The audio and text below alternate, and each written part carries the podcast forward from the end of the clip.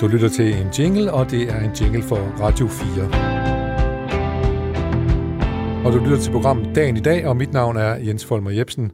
Måske hedder du Robert og bor i Randers og sidder og har lyst til en rask løbetur, eller måske hedder du Greta og bor i Ganløse og er lige kommet hjem fra et par golfrunder. Men uanset hvem du er, hvad du hedder, hvor du bor, så videre velkommen her i programmet. Velkommen til Dagen i dag, program, hvor dagens gæst er dagens nyhedsredaktør. Vi beder simpelthen dagens gæst om at finde dagens mest, hidtil mest tankevækkende nyheder og fortælle dem og dele dem sammen med os andre. Men først, så skal vi lige have denne her.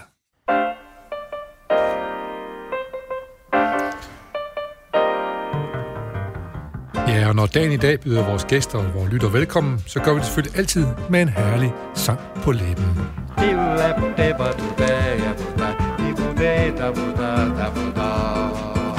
To ba ba da bo bi da da ba. Ba ra bi ra bi ra.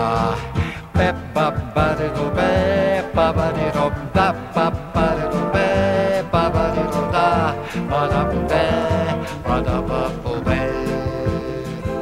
Ja, så er vi i gang her på en ny uge på denne mandag, og vi fik lige en bro fra søndag til mandag her med en lidt brasiliansk bossa nova, og måske også en lille bro over til dig, og det, måske du også godt kan lide bossa nova, dagens gæst, Anne-Louise Sommer.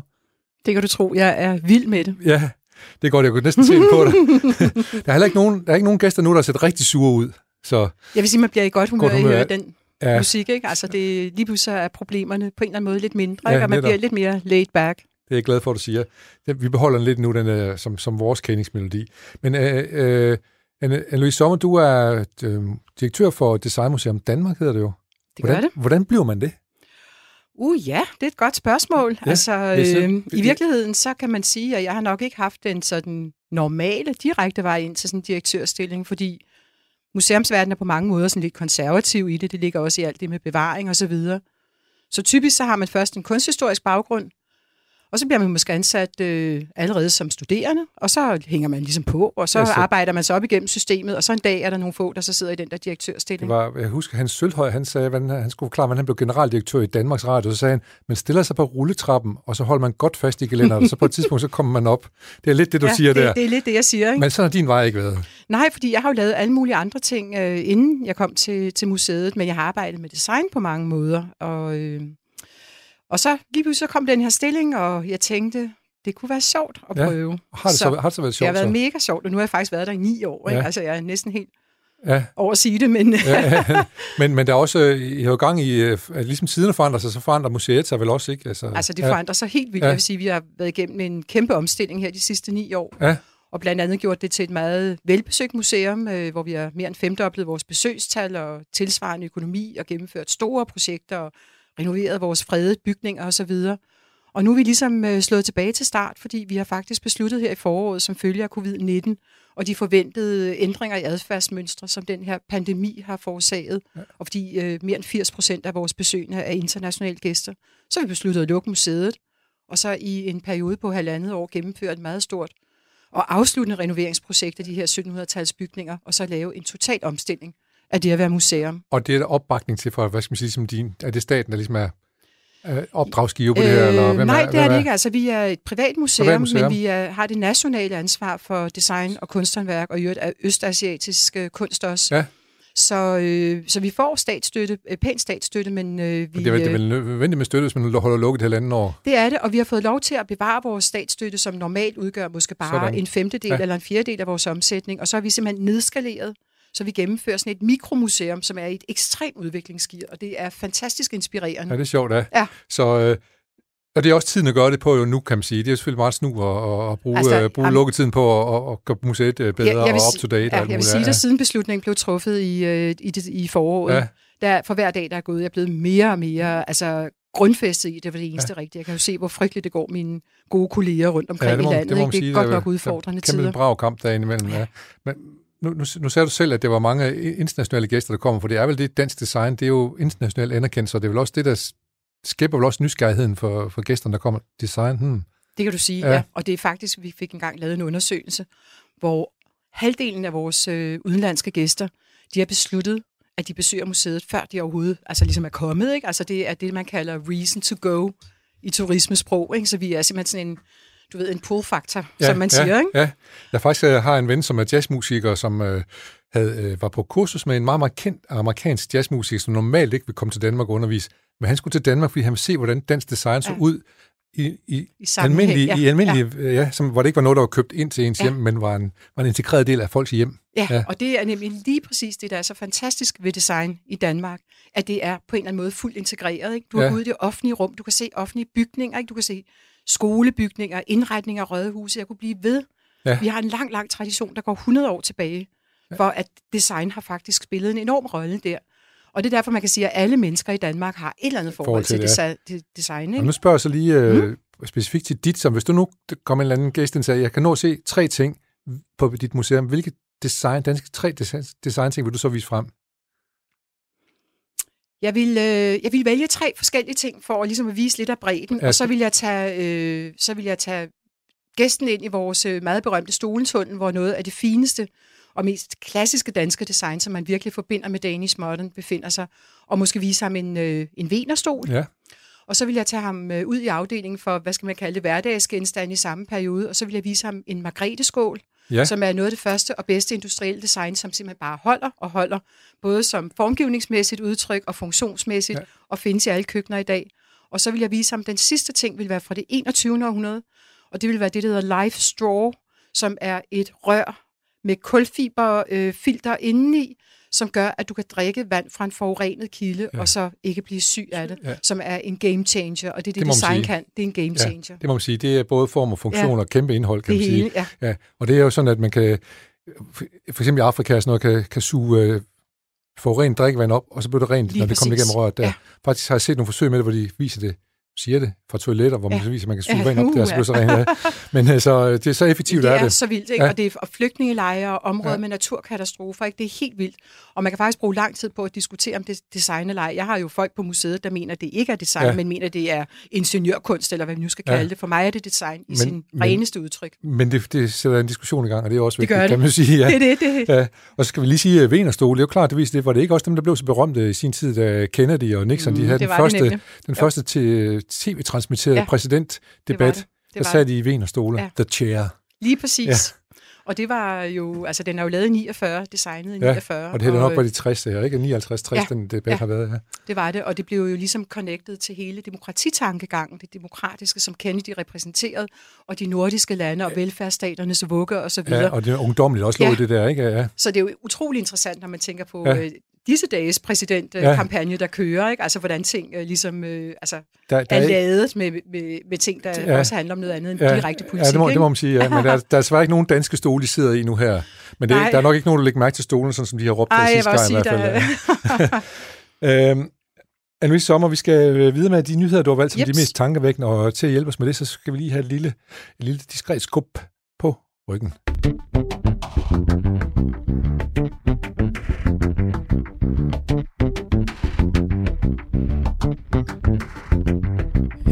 Så kommer vores nyhedsgroove lige her og hjælper os lidt videre. Vi skal nemlig i gang med tankevækkende nyhed nummer 10 fra dagens gæst, Anne-Louise Sommer, som er direktør på Designmuseum Danmark. Øh, hvad har du på en 10. plads? Det er noget med noget infomedie, som jeg ikke har hørt om tidligere, men som du har lært mig i dag. Infodemi. Infodemi hedder det jo, ja. ja. Og det er rimer lidt på pandemi. Ja, det gør og det er det ikke tilfældigt, det gør det. Øh, nej, det er det nemlig ikke. Og det er et ord, det har faktisk været i spil igennem længere tid. Og øh, det handler jo selvfølgelig om noget med informationer, ikke? Ja. Altså, den første del af ordet, men øh, jeg blev sådan ligesom fornyet optaget af det i går aftes i øh, 21 søndag, hvor der var et meget langt indslag, fordi nu har WHO, WHO jo så sagt, at det skal vi virkelig øh, øh, fokusere på, og det handler om, hvad er det for en form for newsfeed, der kommer, ikke? altså rundt i forbindelse med covid-19-pandemien. Ja. Og noget af det, man kan se, det er jo blandt andet alle de her øh, forskellige, både nationale og internationale bevægelser, hvor folk er meget optaget af konspirationstankegange, og det er nok slet ikke noget, og det er nok bare en influenza, eller det er nok bare øh, Trump, der laver et eller andet move, eller nogle andre, der laver et move. Og det er i forhold til, hvad skal man sige, angst for vaccinationer. Det, altså det, det er et ekstremt komplekst felt, ikke, kan man sige, med, med, med alt det her. Ikke? Ja, og, og kernen i det er at vi bliver bombarderet med informationer, hvordan sorterer vi i den? Ja. Hvordan lærer vi? Og det er sådan et godt ord måske, som du også kender fra dine studier på øh, hvad hedder det, du har jo også læst litteratur, det har jeg også, Ja. kildekritik. Ja, lige præcis. Dejligt ord. ja, ja. Så, så hvordan, hvordan, hvordan får vi skærpet vores øh, kritik over for de Ja. øh, me- øh, informationer, vi får? Hvad tænker du, øh, hvordan gør du? Jamen, jeg tænker, der er, jo, der, er jo mange, der er jo mange lag i det, ikke? fordi en af, af tingene, som jo også øh, øh, er anderledes i dag, det er jo, at alle mennesker, uanset hvad, så har du adgang til ekstremt mange nyheder.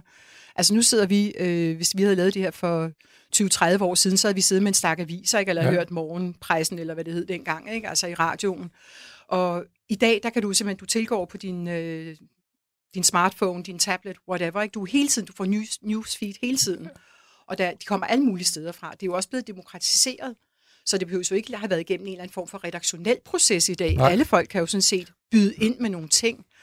Og, øh, Og det pludselig får demokrati lidt negativ klang også måske. jamen det gør det jo Hvis, ikke. altså, hvis alt er ligegyldigt. For det, det, det. det er jo lidt det, du taler Ja. om der, ikke? Ja. Og så har du så, kan man sige, måske et lidt antikveret ideal omkring oplyst enevælde på den anden side, ikke? Ja. man siger, der er måske nogen, der er bedre øh, kaldet til at, at, at, at gå ud med de her nyheder. Og det er jo så, i sig selv også en farlig uh, diskussion, Ja. ja. ikke? fordi hvem er så det, og Ja. hvad er det, de kræver? Ja. Og det vil sige, at man jo på en måde får en situation, der er, jeg vil ikke sige, det er gadens parlament, men det er jo nogle gange lidt dem, der råber højst, der bliver hørt. Det trænger igennem. Og man ja. øh, kuraterer selv sin virkelighed. Ikke? Det er måske i virkeligheden det, jeg synes er allermest øh, uhyggeligt ved det, ikke? at vi ikke længere har den der common ground, hvor vi siger, okay, udmeldingerne er sådan og sådan, Sundhedsstyrelsen siger, regeringen siger, hvis nu vi tager vores eget lille univers her, og så må vi lige tjekke, så retter vi ind. Ikke? Vi Ja. holder afstand, vi spritter, vi gør ditten, vi gør datten. Ikke? Altså lige pludselig sker der alle mulige ting, der er ude af kontrol. Jeg synes jo også, når man taler om, at det, der kan være vejen ud af det her, ikke? Altså, så strømmer folk jo om, at der kommer en vaccine. Det gør der forhåbentlig også på et tidspunkt. Vi ved ikke, om den kommer til at virke, og på hvilken måde den virker, eller om det sådan vi skal have fornyet hvert år, ligesom med influenza-vaccinen. Der kommer måske endnu mere forhåbentlig nogle behandlingssystemer, som gør, at man ikke får folk så langt ud, så man ikke kan øh, øh helbrede dem, så det bliver fatalt. Men hvis der rejses sådan en, øh, hvad skal man sige, folkelig bevægelse mod alle de her øh, forskellige medicinske tiltag. Ja. Og det er jo det, man ser. Ikke? Nu var der en stor Ja. demonstration i går, ikke? Altså omkring det. Øh, Altså, så bliver det jo farligt at styre, ikke? Fordi Altså, antivaccinefolk også Ja, og sådan noget der. Ja. lige præcis, så får du ikke den der øh, flokimmunitetsstrøm, som nogen også vil have, at man på et tidspunkt når til et punkt, hvor, hvor det ikke er så farligt for os at gå, gå rundt øh, i det offentlige rum. Og hvis du samtidig parer det med, at der også er mange, der tænker, om det kan jeg godt selv lige freestyle her, hvordan retningslinjerne er. Jeg sprittede vist for to minutter siden, og jeg har vist ikke rørt ved noget. Det er jo og det har du måske alligevel, Ja, ja. ikke? Så øh, Ja, så øh, vi, vi skal finde nogen at tro på. Og, Ja, vi, og, og vi skal det- måske også skære lidt ned i, i strømmen af mediers øh, informationer, som vi selv indtager. Ja, altså jeg, jeg tænker jo det der med, at hvis man har, uden at sige, at det skal være statslige institutioner, men på en eller anden måde har nogle, øh, nu siger jeg ligesom uafhængige tænketanke, eller en, en drøm om et mere objektivt blik på nogle ting, hvor der så kan komme nogle udmeldinger. Ja. Jeg må også sige, at vi bliver jo heller ikke hjulpet som befolkning i Danmark ved, at der indimellem er nogle øh, sådan, hvad skal vi sige, lidt divergerende udmeldinger og tiltag fra regeringens side, at så gør vi sådan, ja. og så lidt efter, så gør vi noget helt andet, Eller og nu der- siger vi sådan. Eller hvis der går politik i det, kommer nogen fra et andet Ja. parti og siger, hvorfor gør hun sådan, vi skulle gøre sådan stedet det. for? Sådan noget. Så, Så vi sidder du og jeg og, måde, ja. og andre almindelige Ja. ja. mennesker er ret fortvivlede, fordi vi ved ikke, hvad vi skal gøre. Men lad os, øh, lad os øh, bruge ordet tillid. Vi skal finde nogen, vi kan have nemlig det. tillid til, til de præcis. informationer, vi får omkring øh, her, alt det om corona her. Og, og det er nemlig interessant, hvis jeg lige må Ja. ja. afsluttende krølle. Øh, det er jo hele det der tillidsspørgsmål, for man siger jo normalt, at det, der er rigtig godt ved Danmark og danskere, det er, at vi har en ekstrem høj grad af tillid. Tillid, ja. Og det har jeg nemlig også tænkt over i den senere tid temmelig meget, at den tillid er udfordret, og det er den på så mange planer. Og der har det jo altså heller ikke været særlig behjælpeligt med den her pandemi oven i det. Nej. Men du kan også tage hele klimaspørgsmålet som et andet kæmpestort issue, der ligger. Det er jo også et tillidsspørgsmål. Ikke? Altså tør du regne med de informationer, du har, eller tror du, der kører alle mulige dagsordner under? Ikke? Ja. Så øh, man kan måske også sige, at i en stadig mere kompleks verden og virkelighed, så bliver det sværere at have den tillid. Ja. Altså, eller du skal selv ligesom etablere den upon request, skulle jeg lige til at Ja. sige, ikke? altså i den konkrete Det, situation. st- det stiller nogle krav til om at sætte ind i nogle ting også, kan Ja. man sige. Ikke? Ja. Det kan godt være, at vi skal bede øh, vores producer Rasmus om at åbne vinduet lidt, og så tager vi det gadestøj med, der kommer ind fra, Det synes fra vejen af. Fordi øh, det er godt se, varmt i, det i varmt. studiet. Ja, ja, ja. øh, så hvis vi bare kan få lidt frisk luft ind nu, selvom den sikkert også står lidt stille derude nu her i dag. Øh, tak skal du have, Rasmus. Øh, vi går videre til din øh, nyhed nummer 9, som øh, handler om Female Invest, hedder det. Det er, om, det er en Ja. gruppe kvinder, der har samlet sig i et investeringsfirma, hvor kvinder kan lære at investere, øh, eller ikke kan lære, men kan investere sammen altså, og rådgive hinanden, ikke? Ja. Jo, altså man kan sige, det, det bygger jo op på en øh, kæmpe lang historisk tradition for, at i vores kultur, formentlig i alle kulturer, der er det ligesom været mændene, der har forvaltet, øh, hvad skal man sige, familiens finanser, Ja. og det har jo været så grotesk, så langt op i forrige århundrede og ind i vores, der har man jo ikke der har kvinder jo ikke haft ret til egne penge. Så Nej. hvis du for eksempel var ugift, så skulle du have din formue forvaltet af en slægtning. Ikke? Ja, Altså, ja. Det kan vi jo svært ved at forestille os i dag. Ikke? Men, øh, Ja, bortset fra, at vi måske ser det på- med nogle enkelte de der sådan lidt religiøse ting, sådan noget, der er nogle muslimske ting, Ja. sådan noget, hvor kvinderne ikke får lov til ret meget, kan man det sige. kan du sige, Ja. men det er jo så også der, hvor vi øh, løfter vores øh, moderne, vestlige, øh, demokratiske ånd, ja, og siger, og det siger, er det går ikke. hallo, ikke? Ja. Men det interessante er jo så, at vi tror, det går rigtig godt, og kvinder er på arbejdsmarkedet, og vi ved jo alle sammen, at kvinder er jo generelt dårligere lønnet end mænd, ikke? Ja. Altså også for samme Ja. arbejde, og jo dem, der ligesom stepper ud og tager barslerne og ikke får de gode pensionsopsparinger, og så videre, og så videre, ja. der går på deltid, og og det har jo ikke flyttet sig særlig meget, og øh, en af de ting, det slet, der slet ikke har flyttet, det er jo sådan set øh, kvinders øh, interesse for og øh, evne til for eksempel at investere pengene, Ja. ja. anbringe pengene. Ikke? De fleste familier, der er det jo så stadigvæk mandens, Da de gebet. da de valgte at Ja. have tillid til manden. ja, eller have tillid til Eller til banken, banken, ja. eller til pensionskasserne. Ja.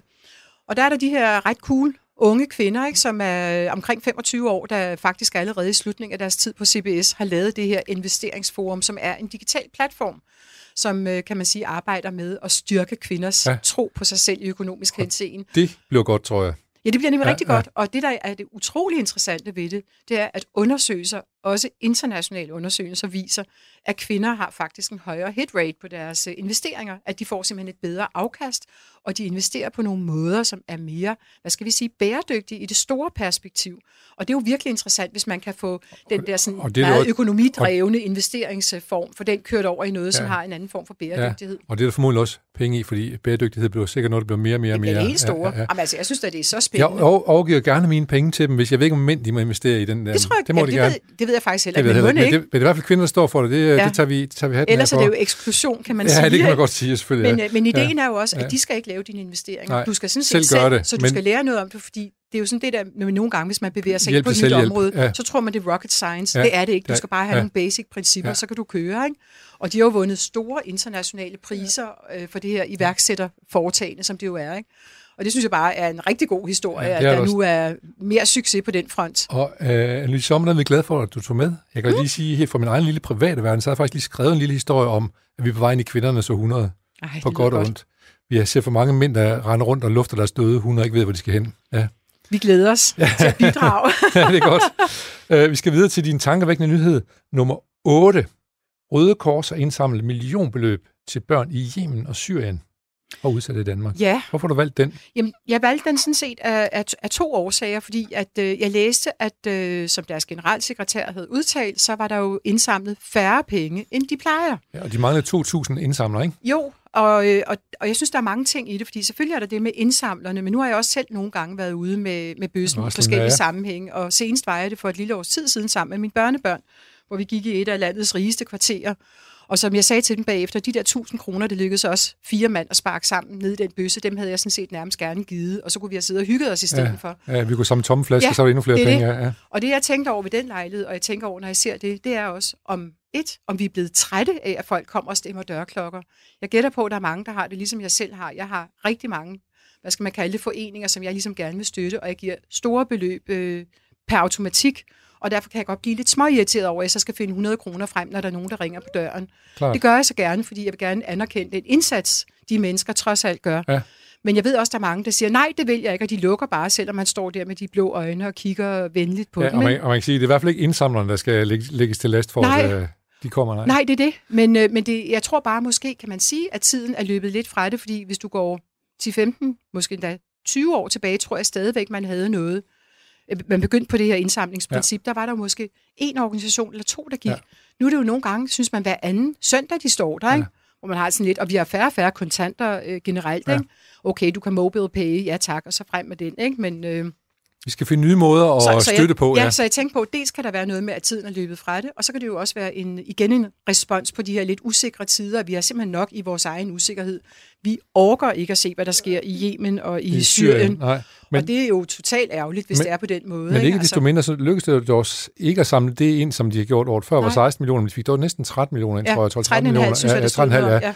Så, så det må sige så meget fint resultat i, i betragtning af, at de mangler så mange øh, indsamlere, kan man sige. Så øh, vi Ja. håber, at pengene de går øh, til, til, noget, til at hjælpe nogle børn i Syrien. Og, Der er i hvert fald og, nogen, der trænger. Der, der er, Der er simpelthen nogen, der trænger der, ja. Og så kan du også sige, så få penge i virkeligheden. Man går over hele landet, ikke? At det, Det det svarer jo til, at folk hver giver to To- kroner to til tre kroner, ja, ja, per ja, mand. ja, Ikke? Altså, Det er da dårligt. Ja, det er dårlig stil. Øh, ja. Det kan også være, at det er vores skattesystem, vi skal lave det om. Det kan også det kan være. også godt være. Ja. Yes. 13,5 millioner har de samlet ja. Ind til nødlidende børn. Ja. Så øh, det har været heldigvis nogle penge, og Ja. de kom, dem som sagt øh, til god gavn i Syrien og Yemen, ja. Hvor de i hvert fald godt kan bruge det. Lad os prøve at gå videre til din øh, nyhed nummer syv. Den handler om en, den handler om en mand, der er, blevet angrebet ved en synagoge i Hamburg. Ja, og så vidt jeg forstår på nyheden, så ved man endnu ikke så meget, i hvert fald ikke på det tidspunkt, da vi tjekkede her for, for lidt siden, om øh, hvem og hvad og motiverne osv., men, øh, men øh, altså, jeg, jeg valgte at tage den med, fordi jeg synes, at der er rigtig meget, altså kan man sige, for øjeblikket, hvor vi er troet på mange fronter, ikke? og vi kan måske nok være sådan med god rette op, altså utrolig optaget af covid-19 og den trussel, der ligger i det, ikke? men der er jo stadigvæk nogle, nogle sociale og religiøse, kulturelle polariseringer i vores samfund, og nu er det så i Hamburg, så det ligger ganske Ja. tæt på vores samfund, ja. men jo over hele verden. I kunne se Paris her i forbindelse med årsdagen for... Ja, Hebdo. Ja, hvad der skete der. Ikke? Ja. Øh, og det, det er bare vigtigt også at huske, at vi har også nogle andre dagsordner, som er centrale, og så kan man sige, at vi kommer jo til at tænke på vores lokale angreb på, på Krudtønden og Ja, ja, synagogen, synagogen, ja. efterfølgende. Ikke? Jeg, jeg ved ikke om øh, den Nej. Person, der er, er angrebet, er jøde, men det kunne man Det jo er, forestille det er en jøde, jødisk ja. mand, som er blevet slået ned med en stump Ja, genstand, det, kunne- ja, og manden, der har gjort det, har de fanget, og han havde et... Øh, ja, han havde nazi. Han havde øh, ja. øh, papir i lommen Ja. og øh, forskellige det, andre ja. ting. Og så, men man ved stadigvæk ikke, om det er antisemitisk. Man vil ikke gå ud og sige, at det er antisemitisk. Nej, måske er der en rimelig sandsynlighed. Men man må ikke? ikke, man ja. går rundt med nazi-ting, Ja. og, og så går hen på en synagoge og slår Ja. en, øh, en jøde ned, så er der formodentlig et eller andet, der... Jo, og der kan du sige, hele den der højredrejning, som man jo ser aktuelt, ikke? Altså, ikke mindst i Tyskland selvfølgelig, hvor man jo på grund af, af fortiden også har øh, altså nogle, nogle spor, der skræmmer, ikke? Eller du kan se i USA, ikke? Med, med Proud Boys, Proud Boys. Han er øh, og måske var en af Proud Boys sammen her jo, ikke? Ja. ja, han er jo nok gode venner med Ja, Proud ja. Boys. Jeg ved ikke, om han var hipsteragtig også, ligesom Proud Nej. Boys, fordi de laver jo en underlig uh, sampling af nogle forskellige ja. fænomener, må man sige, Ja. ja. der, ikke? som også er ret urovækkende, og som viser også, at der er nogle grænser, der flytter sig på nogle måder, som, øh, som, som måske ikke ligner noget af det, vi har set før, ikke? og hvor der nok er grund til, at man øh, skal vide det noget opmærksomhed. Opmærksomhed, ikke? ja. Og de ikke bare, vi skal ikke bare lade dem, øh, hvad, hvad var det, han sagde? Stand, stand back and stand by, eller hvad han sagde nu. Ja, det sagde han sørme ja. så. Ikke? Og det er jo allerede omsat, kunne jeg forstå, på både t-shirts og øh, commercials af det, forskellige det art, er ikke? allerede Jamen, puttet på, altså, på alle, på alle Ja. mulige, måske også altankasser og alt muligt, ja, hvad det ved jeg. Ja. Altså, Så, men, men i hvert fald ikke, ikke noget særligt ret. Jeg så også lige, der var også været en nyhed i dag om en øh, muslimsk mand, som er fundet øh, dræbt i, øh, i Oslo, ja, og som har Ja. været øh, leder af et, øh, et center for, hvordan man skulle afislamisere øh, Norge. Ja, det, øh, det, øh, det, det, ja, det er også, øh, den, den det øh, er også- tænker jeg også, den var også skræmmende. den, er- og den ligger, også, det, ja. den ligger sådan set i, den Ja, det var familie med det her også. Ikke? Ja, Altså, Kristiansand i hvert fald ja. Norge, ja. ja. Jamen, det er altså, ja, det er virkelig, det er virkelig frygteligt, fordi man kan sige, det vi står sådan generelt i lige nu, ikke, der har vi ikke brug for den slags ting. Ikke? Der må Nej. vi ligesom altså, Har, tænke en almen menneskelighed Vi- frem for alt. Ikke? vi må have tillid til hinanden, det er det, vi har brug må for. vi. Jo, det er tilbage til det tillid, gode ord der, ja. Mere tillid, ja. Uh, og så er der et andet sted, som også handler om tillid, og som også er meget aktuelt. Det handler om IT-kriminalitet. Det er også noget nyt, Ja, det er det. sige. Eller det er noget nyt, ja. Ja, det synes jeg, altså, om end vi dog har hørt om det i, øh, i nogle, Nogle år, år, ikke? og jeg ja. synes jo, man ser mange skræmmende eksempler på, hvor det sætter igennem. Ja. Og den her aktuelle sag, det er jo så i forhold til de her frigivende Ja, feriepenge, det- det- som alle borgere sidder. Hvad var det, jeg hørte her forleden? Var det 34 millioner, der allerede var blevet rekvireret? Milliarder, milliarder mener jeg milliarder, ja, ja, ja. milliarder. Det er klart. Ja, der står 60 milliarder venter, og over Ja. halvdelen er... Jamen, det er helt vildt. Ja, Og der var folk, der havde siddet og ventet nærmest i dagevis Ja. ja. på at, og ligesom at komme igennem som nummer, jeg ved ikke hvad, Ja. ja. i køen. Øh, og det er det klart, der er der selvfølgelig nogle øh, IT-kriminelle, der har kunne bruge rigtig lang tid på at forberede sådan en tiltag, fordi vi har jo vidst, at det ville komme, ikke? Altså det er den her frigivelse af pengene. Så vi skal, Og- vi, vi skal lige nu advare folk, der hæver feriepenge, at øh, hvis de ringer nogen fra en bank og siger, de er fra en bank og alt Ja, andet, så- så kan det godt være, at det er nogle snydetampe. Skal vi så ikke bare sige, at de skal lægge røret på med det samme? igen Ikke? det samme. Ja. så, men de der feriepenge, de er godt nok spøgt nogle dage, var. Jamen, det er helt vildt. Ja. Det er helt vildt. Og det, altså, det er jo interessant at se, hvis det får den, øh, den ønskede virkning, ikke? fordi det har jo været den der lille lomme, kan man sige, der bare lå på grund af, af overgang fra det ene ferieårssystem til det andet. Og så var det jo tænkt til, at det skulle ind i pensionerne og ligesom virke på lang sigt, og nu bruger man det så som den her buffer, der faktisk kan give sådan et lille, en kickstart til den danske ø- betrængte økonomi. Ja. Øh, så kan man jo så diskutere, hvad folk kan bruge deres penge til, ikke? men der var et eller andet med, at de både, hvad var det, jeg hørte i radioen i går, både i Jysk og i øh, Elgiganten og sådan nogle ting, der havde folk bare været fremme og købe Nå. de store ting, ikke? men øh, fordi man kan jo ikke rejse, og man kan Nej. jo heller ikke så godt gå ud og spise. Så og de alle bliver der- brugt i, øh, for, forhåbentlig ikke på alt for meget Made in China og Made in alle mulige andre steder. Nej, lad os håbe, det er Danmark first, og, det tør vi og, næsten og ikke EU i hvert fald i det mindste. Ja. øh, øh, så, øh, men øh, det er spændende at blive til med alle de her feriepenge. Jeg hørte faktisk en biolog, som sagde, at øh, hvis man brugte alle de her 60 milliarder på at opkøbe land i Danmark, Ja. og lade det ud som vild natur, Ej, så ville vores øh, store problem med landbrug, det vil næsten være elimineret. det er fuldstændig sindssygt. Ja, det er der- hørt. Hvor er det spændende. Der, der, der findes ikke vild natur i Danmark. Men så skal alle dem der, der har bedt om deres penge, de skal så De skal, de skal, donere de dem skal til donere, større de skal formål. til større formål. Det skal de alle sammen så. Hvis det alligevel gik i de IT-kriminelles lommer, så vil man nok hellere have noget natur. Så er ikke? natur med det, ja, men ja. Ja. ellers skulle staten ekspropriere dem alle sammen, så nu køber vi. men det er så et spørgsmål, om de kan finde noget jord, de kan Det om det. til vild, landbrug, eller til vild Ja, øh, vi har ikke vild natur i Danmark. Det findes altså, ikke, vil der findes, der findes ikke engang Der er kun kvadratkilometer. kulturlandskab, Ja. ikke? Jo, det var, vi havde jo en mand, der, der pløjede heden op for at omsætte det til. Ja, Ja, den gode. ja, øh, Dalgas. Dalgas, ja. ja. Godt, øh, således blev han sat på plads, ja. og feriepengene og IT-svindlerne i et, i et hug her. Øh, de nyhed på femtepladsen, det er, at øh, 75.000 skoleelever har været fraværende i over 10 procent af skoleåret. Er, Ja. det, er det bekymrende? ja, det synes jeg, det er. Fordi jeg synes, noget af det, der er bekymrende ved den nyhed, det er, at øh, det til synlædende rammer meget bredt. Altså, jeg synes, jeg læste, at det var helt ned til anden klasse, mm. at der er så markant fravær. Hvor jeg jo for det første spørger, hvordan kan børn, der går i anden klasse, altså være så fraværende uden forældrene er opmærksomme på det, for de lever jo ikke, hvad skal man sige, deres eget liv, noget andet med frit svævende gymnasieelever, der har hovedet fuldt af alt muligt begyndt, andet, ikke? at, begyndt at kysse og ryge, og Ja, det er det, ikke? Og steder. kun Ja. drenge og piger, og Ja. det der er værre, ikke? Altså, jeg ved ikke, hvad... Nej, øh, men øh, altså... Og det, det synes jeg er tankevækkende, fordi det, det viser jo, at der, der er en mistrivsel ikke? i systemet, at der er så meget markant fravær.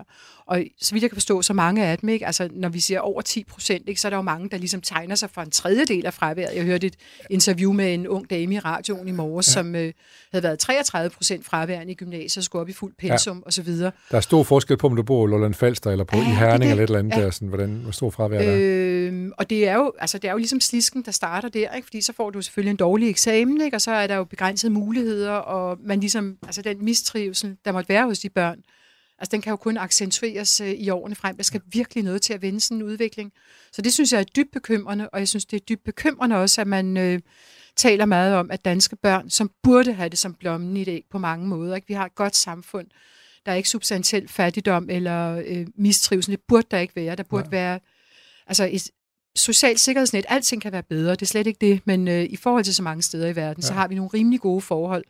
Og så foruroligt det mig, at der er så mange børn, der, der er, lever under et konstant præstationsangst og... Øh, Og så, skal de, og så pjekker de lidt måske, fordi det bliver for stort. Jamen det er jo det, tungt, altså, det der, og, og diagnoserne i, øh, psykiatrien og i øh, sundhedsvæsenet sidder jo ret løst for øjeblikket, ikke? og man er jo nogle gange lidt i tvivl, om man er lidt for hurtig med sine diagnoser. Ikke? Altså, dengang vi var børn, ikke, der gik man jo rundt og var mere eller mindre ser, ikke? og så passede man sig ind, og så var det måske meget Ja. godt. Men I dag, må- der bliver man jo stigmatiseret på nogle andre måder, og sat ind i nogle kasser, hvor, hvor, det måske også Ja. kan være svært. Men du vil ikke gå så vidt som til at sige, at øh, det godt kan være sundt og, øh, at være, og, hvad hedder det, og, og pjekke, fordi det, øh, det, det, det er sundt at gøre noget usundt i et sygt system.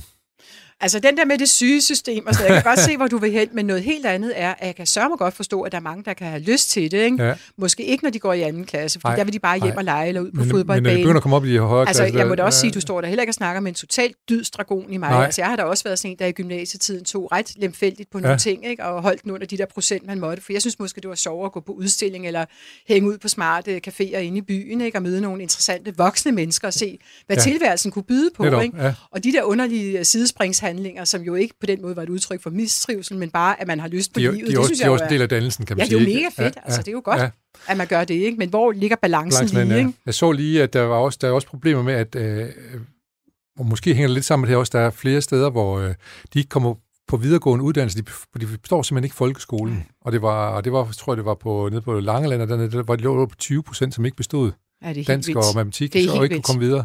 Og så er det 2 procent ja. i Hørsholm eller sådan noget, ikke? Så der er også en social slagside på noget af det. Der er en kæmpe social slagside, men når du har sagt det, så er der jo også, selv i de ellers meget velstående kommuner, er der jo også rigtig mange Absolut. eksempler på mistrivsel, fordi der er jo blandt andet velstående i de kommuner, fordi begge forældre knokler en vis ja, ja, ud af ja. bukserne for at holde hele menageriet kørende. Ja, ikke? og så kører hele 12 i ja. også og sådan noget der, ikke? Ja. Så, så jeg vil sige, det, det, det er også mere komplekst end som så, ikke? Øh, ja.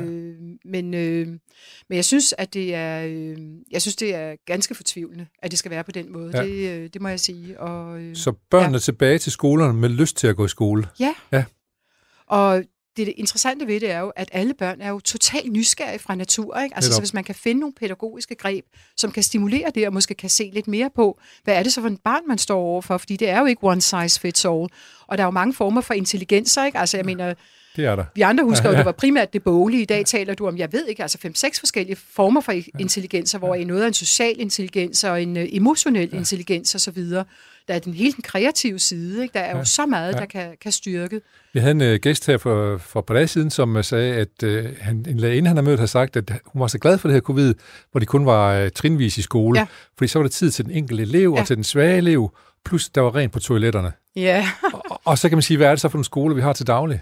Hvor der ikke er tid ja. til det. Men det, det er, og hvor der er beskidte ja, toiletter. Og det er simpelthen så trist, at ja. det er det. Men så vil jeg godt lige supplere den der oplysning med, at i den tid, hvor man er kommet meget lidt i skole, der har der jo været en sindssygt alvorlig social slagside det i det. må man også sige, ja. For der har været hjemmeskole, ja. og det er ikke alle forældre, der er gearet til at undervise nej. børn. Det er der altså ikke. Nej. Har hverken tid eller energi Jamen, eller viden til skolen, det. Jo, ja. Og du kan også sige, nu sagde du det der med alle de her øh, forfærdelige tal der før, ikke? man kan også sige, at hvis du kigger bare på de ældre generationer, altså folk, der for længe siden har været ude af skolesystemet, det er en meget høj andel af, af, af voksne, der rent faktisk ikke kan læse, og det er jo sådan noget, vi ikke snakker om. Nej. De kan simpelthen ikke læse og skrive. Nej. Det er på et egentlig ja. funktionsniveau. Men har jo klaret sig igennem, fået måske en god øh, faglært uddannelse af en eller anden jo, jo, hvor man, man kan... Og blive præsident i USA også jo. ja, det, ja, ja, det kræver til synligheden ingen kvalifikationer whatsoever. Ja. Nej, det mente jeg ikke. Nej, det mente du ikke. Nej. og men, derfor så tager vi nemlig lige den her lille skiller. Ja.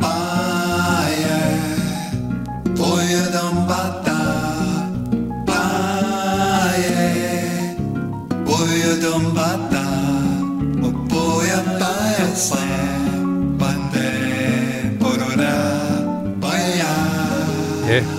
det her lille skiller, den fortæller os nu, at vi nu skal vi tilbage til dagen i dag, dengang det var i går. Vi skal prøve at kigge på, hvad der skete på den her dato, den 5. oktober, i nogle tidligere år. For eksempel i 69, det kan jeg da så huske, og jeg er rigtig glad for, det er, det er på den dato, hvor Monty Pythons Flying Circus blev sendt for første gang på BBC. Der blev sat nye standarder, må man ja, sige, for hvad humor sige. var for noget. Ja. Den pointeløse humor kom ja. frem. Vi, vi har sit ting på, det var Fem år før det her, der var, blev Beatles tilbudt øh, Danmarks Radio. De kunne få lavet en indspilling med dem i, øh, i, i København, men sagde nej tak, fordi Beatles vil have 5.000 kroner. jeg tænker, hvad, hvad Danmarks Radio har sagt, hvis Monty Python var kommet ind og sagt, vi går tænke os at lave sådan en serie, hvor man går ind i en ostebutik, og så har vi ikke de oste. Jeg Han spørger tror, efter sådan noget. Jeg, eller, jeg tror godt, vi kender svaret. Jeg kender svaret, ja. Men heldigvis var BBC øh, frisk ved havelån der. Øh, og så er det på den her dato, i 66, der har du sikkert stået med flagene, tænker at keep it. Prinsesse Margrethe blev officielt forlovet med Henri Laporte de Montpassat. Åh, oh, ja, det var stort. Og, og Frederik 9, ja. han, har, han har meddelt, at, at han giver sin tilladelse til forlovelsen. Ja. Ja. Det var stort. Ja. Jeg var et meget, meget lille barn. Ja, ja, ja, ja, ja. men, jeg kommer også til at tænke på, at det kommer, hvad jeg siger. Men vi ville have stået og kippet med flagene, hvis vi havde ja, været store nok til at bære et flag. Ja. ja, lige præcis. Der ja. skulle en voksen hånd til. Ikke? ja, øh, og går to år tilbage, så er så 57 personer, der flygtede gennem tunnel, der er gravet under muren i Berlin. Det er fascinerende. Det er vildt, ikke? Ja, det er nemlig fuldstændig vildt. Altså, hvordan verden har ændret sig i de sidste 30 ja. år, ikke? eller 31 ja. år siden uh, murens fald. Ikke? Altså, ja. det er fuldstændig vildt. Det var vel november 89, eller noget stil, af den, ja, det var, den, det. nede ja. her. Jeg tror, Så, det var den 9. november. Det skal nok passe. Hvad synes du om, øh, hvad synes du om muren som design? Nu, synes, nu er du direktør for Design Museum Danmark. Jeg synes, det er et utroligt interessant spørgsmål, fordi ja. det giver mig anledning til at sige følgende. Ja. Normalt, når vi taler om design, så er det det gode design. Ja. Og hvis jeg skulle fortælle, hvorfor mit museum blev etableret i 1890 for 130 år siden, ja. så var det for at udbrede godt design. Bracket. Det, der i virkeligheden er sagen, er jo, at der er rigtig meget design, der ikke er godt. Netop. Og hvad gør vi med det? Ja. Der er også design, der er ondt. Ja. Og det, der kunne du tage hele den nazistiske ideologi, som var en fantastisk designmanifestation inden for visuel design og inden for arkitektur, inden for alting. Ja. Ikke? Men du kan også tage muren og så sige, en mur kan jo være god, altså på mange måder. Her er den så virkelig ond. Det, den skiller et land, ikke? Ja. altså deler et land op, ikke? og hele, alle de politiske implikationer. Ja. Og også var med, Så- til, har været med til, lige præcis den her mur, er også med til at Ja. gøre muren til et ondt symbol, Ja. ikke, kan man sige. Ja. Men hvis du tænker på, hvordan øh, øh, magterne havde det dengang, så ville de jo synes, det var godt design, dem der stod for, Det er at det, muren det, skulle det, det, laves. der, der, Altså, der, så, der hun ikke Ja, ja, ja, de der har overgjort bare honør for den der. det har du nok ret i. så Ja. det, er, rela- det er relativt, ikke? Ja. om ting er gode eller dårlige, Ja. ikke? men det har begge sider i sig. Øh, vi går lidt hurtigt igennem her. 48 mennesker findes døde i to svejtiske landsbyer efter et kollektivt selvmord. De har tilhørt en religiøs sekt, der hedder Soltempels Orden. Den har du ikke været på vej ind i, vel? Nej, nej, det er aldrig.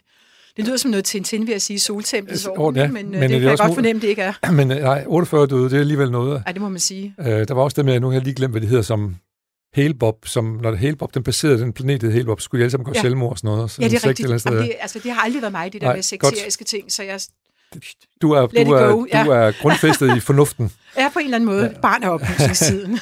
Slobodan Milosevic blev afsat ved en ublodig folkestorm. Det var alligevel noget det lykkedes i Beograd. Der var Ja, det Skotland, man de, ja, han tabte øh, præsidentvalget, Ja. men han nåede så, han, så han, man nægtede at anerkende sit nederlag, men må alligevel gå af. Øh, og så øh, i 2001, så er der noget andet, noget som øh, huserede i øh, USA. Det var nemlig miltbrandbakterier. Ja. Ja. Kan du huske, de blev sendt rundt med posten? det kan du tro, jeg kan. Ja. Ja. ja. Og det var jo lige efter 9-11. Det her er det første, øh, første 5. oktober er det så, ja. Ja. Og så i 2001 også netop, som du siger. Ja. Øh, og det første dødsfald er så, ja, som sagt, Ja. den femte. Folketingets åbning bliver overvejet af kongefamilien, inklusive det nyligt separerede par, Alexandra og Joachim. Kronprinsesse Mary deltager første gang. Hvordan har du med det der kongehus der? Det er i morgen i øvrigt, skal vi lige huske at sige, der er åbning i Folketinget. Ja, det er rigtigt. Ja, men det, her, det her det er så i 2004. Men ved du hvad, jeg har, jeg har det faktisk godt med kongehuset. Ja, Øh, og det, øh, det har jeg blandt andet, fordi det er nogle ret fornuftige folk, der sidder i Ja. det for øjeblikket. Ja. Altså hvis man ikke havde fornuftige folk, så kunne det godt være, at forholdet var noget andet. Ja. Men jeg synes, der er nogle interessante ting omkring den lange, ubrudte tradition. Ikke? Og det Ja. er også en del af det danske DNA. Ikke? Og så synes vi også, det er i orden, at vi betaler til prinsesse Benedikte, der sidder nede i Tyskland og har gift sig til et slot og sådan noget. Det Jeg gør vi jo stadigvæk. Et eller andet sted, og nu har jeg tilfældigvis også hørt... Jeg spørger øh, ikke, fordi jeg mener noget om det. Nej, Jeg spørger, nej, fordi men jeg øh, får nu udfordret. ved jeg, at øh, jeg ved ikke, hvor mange der egentlig er klar over det, men Benedikte, hun er jo ikke just nogen års unge, men hun Nej. arbejder sindssygt mange om dage om året for det danske samfund, ikke? og laver alle mulige ting, både i ind- og udland. Ja. Hun er en arbejdsbi, ikke? og Ja. gør noget fantastisk godt, synes jeg, for vores omdømme. Ja. Så derfor har jeg det så fint med, at hun også har noget appanage. Sådan. Tak for det. Ja, det, er, Du vil ikke- jeg, det- det, vil jeg gerne stå på mål Det er for. godt, men det, vi får mange forskellige meldinger, når vi Ja, om kongehus. Det er Men jeg, er jeg, hyggeligt vil at ikke, tale om altså, royalist er et meget stort ord, Ja, ja, men- men, på sin vis, så... Øh, Men positiv over for ja, det er kongens- bestemt positivt. Smykkefirmaet Pandora, også en Ja. form for design, kan vi jo sige. Jo. blev første gang handlet frit på børsen. Kursen stiger på 25 procent på, på premieredagen. Premieredagen. Ja, Det var 2010. ja, og de har jo gået op og ned sidenhen, Det må man sige, ja. Men det sælges i 30 lande Ja. øh, på, det, der, på Ja. det tidspunkt. Ja, Men de har så også lukket deres forretninger, hørte jeg for nylig, som følger covid-19. okay. Så jeg ved ikke, om det kun kører online nu, men de har lukket mange steder i verden, og det er jeg 99,9 på, at Ja. det var Pandora, der Pandora, gjorde det. ja. Det var en stor nyhed ja. her inden for den sidste måneds tid. Men lad os håbe, det går, som det plejer at gå med dem. De vender ligesom tilbage. De går sådan nemlig op og ned, som du siger. Ja. Ja, og jeg ved jo, at de, at familien bruger deres øh, penge til at investere i mange fornuftige foretagender, herunder også nogle øh, biotech-ting og Ja. forskelligt. Så øh, hvis man har tjent en masse penge, og man lader den komme ud og gå i gode sammenhæng, så synes jeg, det er fint. Og vi starter med at kippe med flaget for uh, prinsesse, eller prinsesse Margrethe hun jo på det tidspunkt, og prins Henrik. Nu kan vi kippe for flaget, fordi der er nogen, der har fødselsdag i dag. Uh, for eksempel den meget fine engelske skuespiller Kate Winslet. Oh, Hun ja. er dejlig, ikke? hun er skøn, ja. Hun blev født i 75 og har fødselsdag i dag. Ej, den rene årså. Ja, og en, som øh, du så kender, Rasmus øh, Michael Bertelsen, har fødselsdag i dag. Så du kan lige huske at kippe med dit flag for Michael. Bob Geldof har fødselsdag. Den desværre Ja. afdøde trommeslager Kent Gudmand, som var med helt fra Ja. Petrus-dagene, The Defenders, men spillede meget på Dissing og andre. Ja. Også fødselsdag i dag, døde desværre i 2003. Niels Malmros har fødselsdag. ja. Annelise Gabold, skuespillerinde, har Ja. fødselsdag. Og så øh, på den internationale scene, der kan vi sige tillykke til nu også desværre afdøde Václav Havel, tjekkisk forfatter, Ja. systemkritiker, Ja. præsident. Fin mand. Ham har jeg mødt må på en trappe engang. Har du det? Ja. Ej, Han kom nedgående ned ad trappen med fuld fart sammen med en eller anden med en mappe. Det var lige før. Det var må lige du med, give hånd? Nej, det var i 89, og han er bare travlt, fordi de har gang i... Ja. øh, Men at du skulle- så ham, det var et moment. De skulle have simpelthen have, de, skulle, de var i gang med at overtage Tjekkiet på det tidspunkt der. Ja. Det er historie. Det er det. Og så, skal vi lige huske, så er der nogen, der er døde i dag også. Og jeg glemmer lige at sige, jeg er nødt til at sige, at i 62 på den her dato, der, der bliver udgivet singlen Love Me Do med Beatles. Åh, Det sagde du, Skal vi synge den? love, love me do. You know. ja, den er godt nok god. Den kunne man også blive godt humør Den af. kunne man godt blive godt med Ja. af. Og så er der den 1983 på den 5. oktober, der døde Earl Topper. Ja. Og som det siger navn, så er det jo manden, der i hvert fald blev sagt, der har opfundet topperwærende. Men der var også, selvfølgelig også en kvinde indblandet i det. Det ved du noget om, at Barbara, Ja, det gør ja, ja. Brownie, Brownie Weiss. Weiss, ja. ja. Og hvad var det for forhold, de havde med hinanden i forhold til Tupperware, tænker du? Jamen altså, det, øh, det er jo vildt interessant, også i forhold til det, vi snakkede om før, Ja. med kvindelige investorer og i det hele taget forholdet mellem kønnene osv., fordi det er jo meget karakteristisk, at hans navn er jo ligesom det, der vi kender i ordet Tupperware, Ja.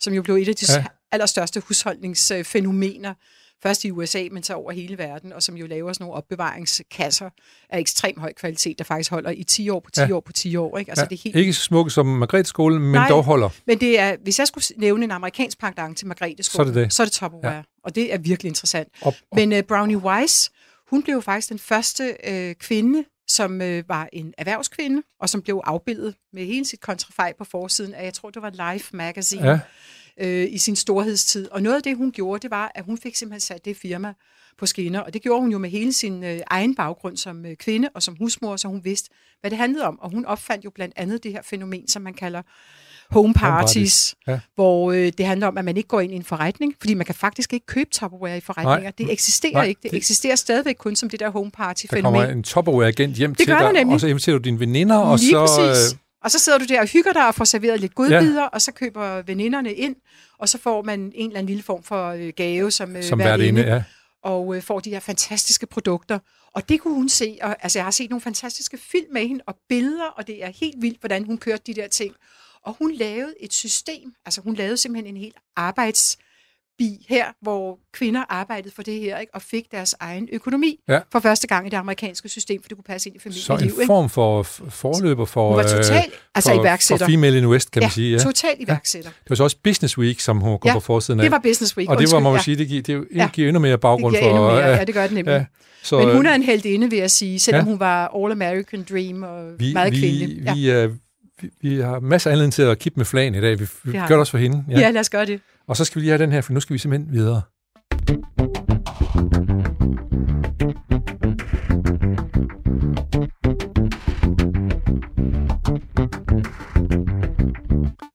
Ja, vi lytter til dagen i dag, og vi hørte lige vores lille nyhedsgruppe, hvor det betyder, at vi skal i gang med at gennemgå de sidste nyheder, øh, tankevækkende nyheder, som dagens gæst, øh, Anne-Louise Sommer, som er direktør for Designmuseum Danmark, har valgt ud til os. Vi er kommet til en nyhed, der siger noget om, at øh, affaldsfjernere fandt 2700 brugte mundbind i skraldejagt. Ja, og det er jo den her skraldejagt ude i naturen. Man foretager sådan en officiel dag en gang om året, så vidt jeg ved, ikke, hvor er det Naturfredningsforeningen, der står, Altså, øh, ja, ja. der står bag, ikke, hvor folk øh, bruger en søndag på at samle skrald i vores allesammens natur. Og øh, der har man så fundet alle de her mundbind. Og jeg gætter på, at de fleste har jo også bemærket på deres vej igennem by eller skov, eller hvor man nu færdes, at der indimellem ligger de her mundbind. Der er kommet nyt tegn på tiden. Ja, det er der nemlig. Og det er jo, øh, det er jo, det er jo rigtig øh, skidt, fordi de jo af nogle materialer, der ikke har noget som helst at gøre i naturen. ja. Ja. Og så kommer der jo også den der afledte effekt, at for eksempel hvis børn finder sådan et, når de er ude at lege et eller andet sted, jamen tænk, hvis de tager det på, ikke? og det er inficeret. Ikke? Altså det, man skal jo virkelig tænke, at det er noget, der skal, om ikke destrueres bagefter brug, så i hvert fald ned i en lille pose, og så smides rigtigt ud, og ikke bare ligge og lidt, flagre lidt, rundt. lidt ligesom en hundeefterladenskab næsten. Ja, Ja. og jeg vil sige, at det er næsten endnu værre, ikke? fordi på en måde kan du sige, hvis du er smittet med covid-19, og så har sådan en bind liggende og flagrer rundt, ikke? Altså, så, så, så er det jo virkelig skidt. igen. Du. Ja, ja. Og grunden til, at jeg har valgt den lille nyhed ud, øh, det er, fordi jeg synes, det vores tid kalder på, at man reflekterer meget over, hvad det er for nogle former for adfærd, Så, man har, ikke? så for uden tillid, så har man også et ansvar. Ja, man har et ansvar, Ja. ja. og det handler også om, at man skal agere ordentligt, hvis jeg må bruge et sådan Ja, lidt gammeldags ja, det må du meget ord. gerne.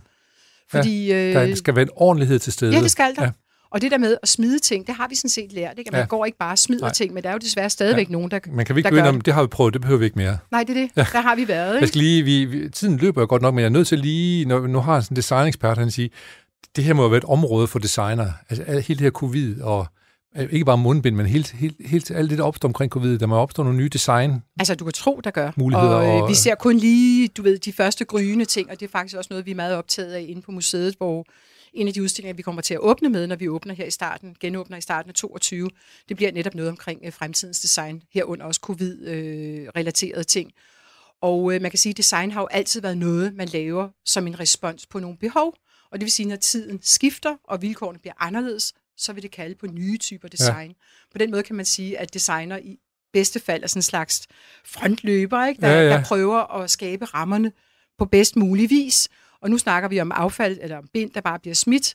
Øh, på et tidspunkt var der alle mulige pizzabakker, der flagrede rundt Ja, i, øh, ja. i byerne her i Danmark.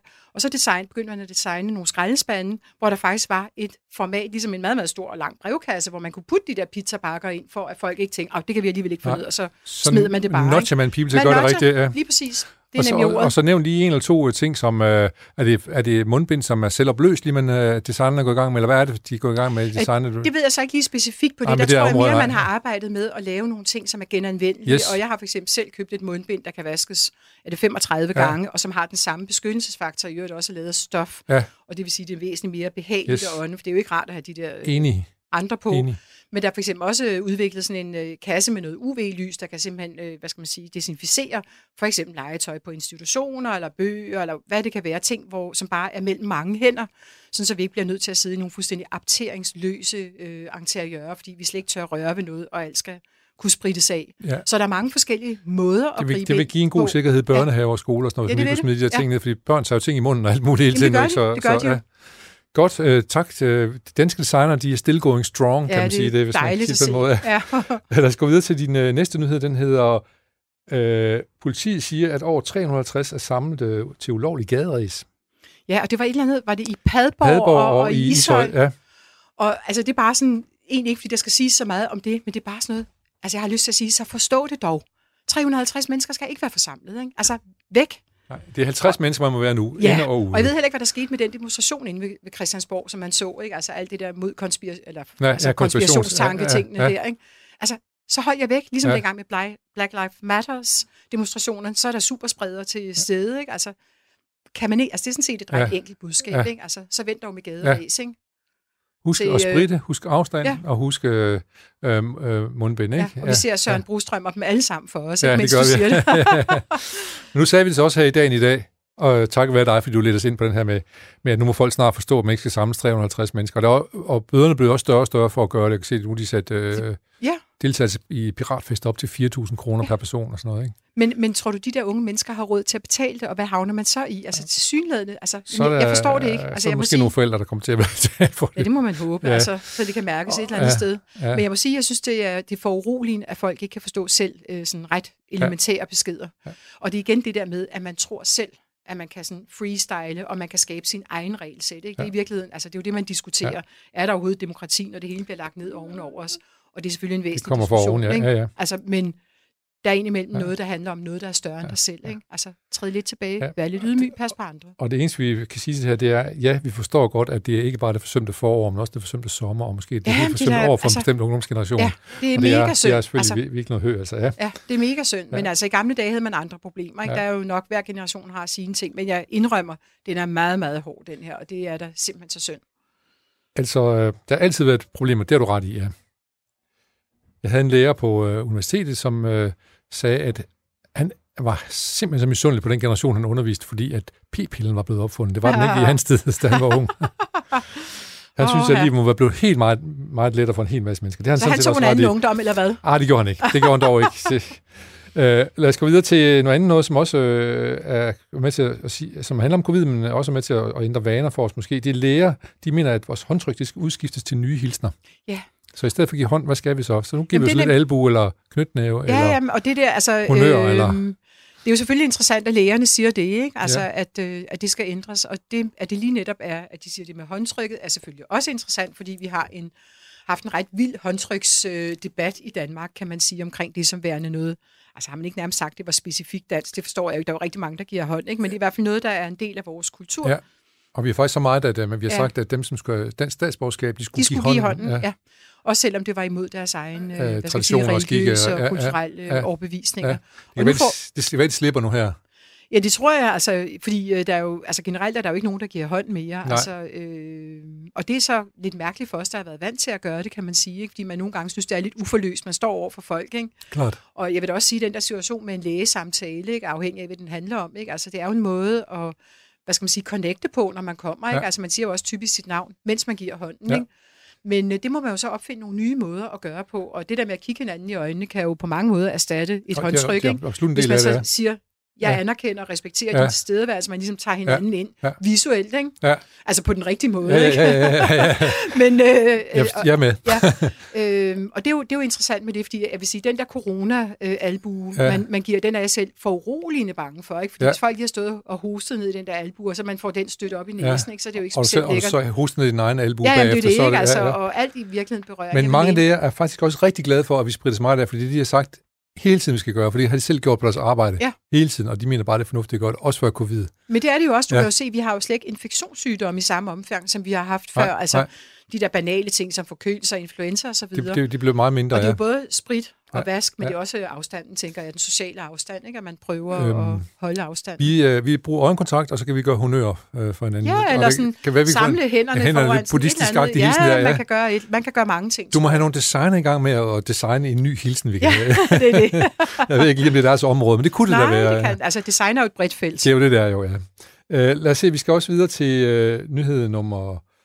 Det var det med håndtrykket. Så har vi en her, der siger, læger krediterer Trump for at bringe andre i fare med køretur. Det er så, fordi han i dag har lige skulle demonstrere, at han ikke er så syg som... Jamen altså, det er jo bare helt vildt, ikke? Altså, ja. den mand er jo helt uforbederlig, ikke? Han kan i hvert fald ikke rette sig efter ting, altså... Øh, men det er jo noget med, at han har siddet i det der fuldstændig pansrede køretøj med sine sikkerhedsvagter. Øh, Og der er jo ikke nogen øh, luftcirkulation. Nej, fordi den er bygget Fordi til, den at er bygget til at kunne modstå kemiske, kemiske angreb, angreb, altså der, den er helt lufttom. Ja, og er der så kører, ja, der kører han så rundt, og der har man det jo sådan lidt... med to ah, Secret Service-agenter. Ja. Ja. det er nok ikke lige det bedste signal at sende, dem er man ligeglad med. Ja. Ja. Ikke? Og i øvrigt den måde, det hele bare mylder rundt i deres egen inderkreds, ikke? med de politiske Ja. ja. rådgiver og så videre. Ikke? Og i øvrigt også Secret Service-folk i hvide hus, der har klaget internt til hinanden over, at han... Ja, det kan jeg da godt forstå, ikke?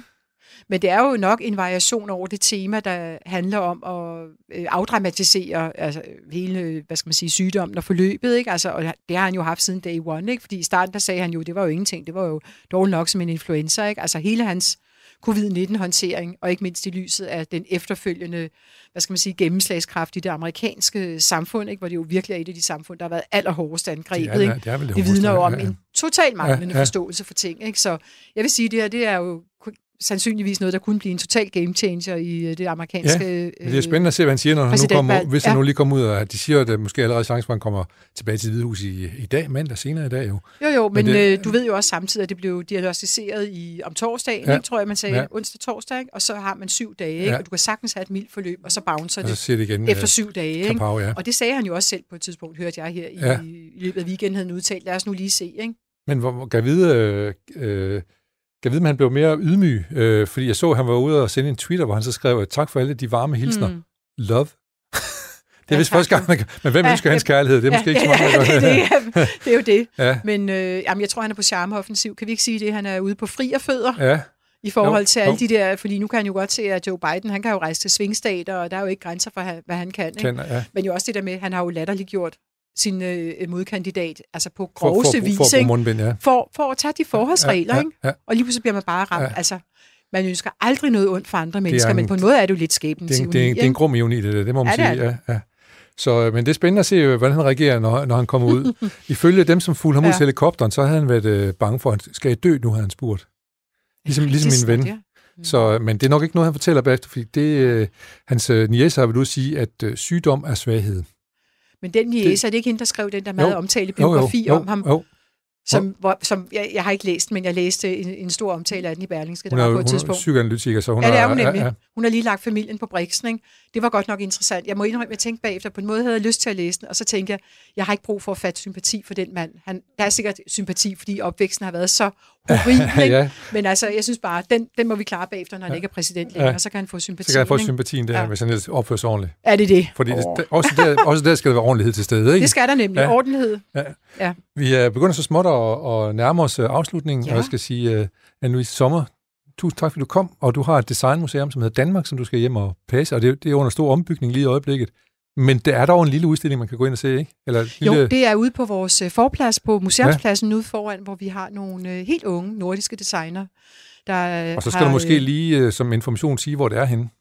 Ja, undskyld. Det Nej, det ligger er mig, i, der skal- Det ligger i Bredgade i Ja. København, som ligger i Frederiksstaden. Det ligger lige næsten ved siden af Amalienborg. Ja. Så det er bare med at slå slag ja, af Bredegade, så man altså, faktisk kan købe ja. et Matador-spil også, hvis man har penge til det. Det er jo det. Ja. Det er faktisk den, øh, den hvide, den hvide, øh, den hvide, hvide bolige ja. kategori. det er rigtigt. Ja. Men øh, jeg vil så sige tusind tak for invitationen. Det var en fornøjelse at være med. Det var absolut godt at have det her. Så skal jeg sige, at programmet her er produceret af Paseo, og øh, det øh, kan høres på podcast, øh, så snart det bliver sendt. Så fem minutter efter, så kan man høre det på podcast sammen med alle de andre dagen i dag-programmer. Og så skal vi så sige, at det er i dag var fødselsdagen for Beatles Love Me Do. Den blev udsendt, så skal vi ikke høre Beatles her til sidst.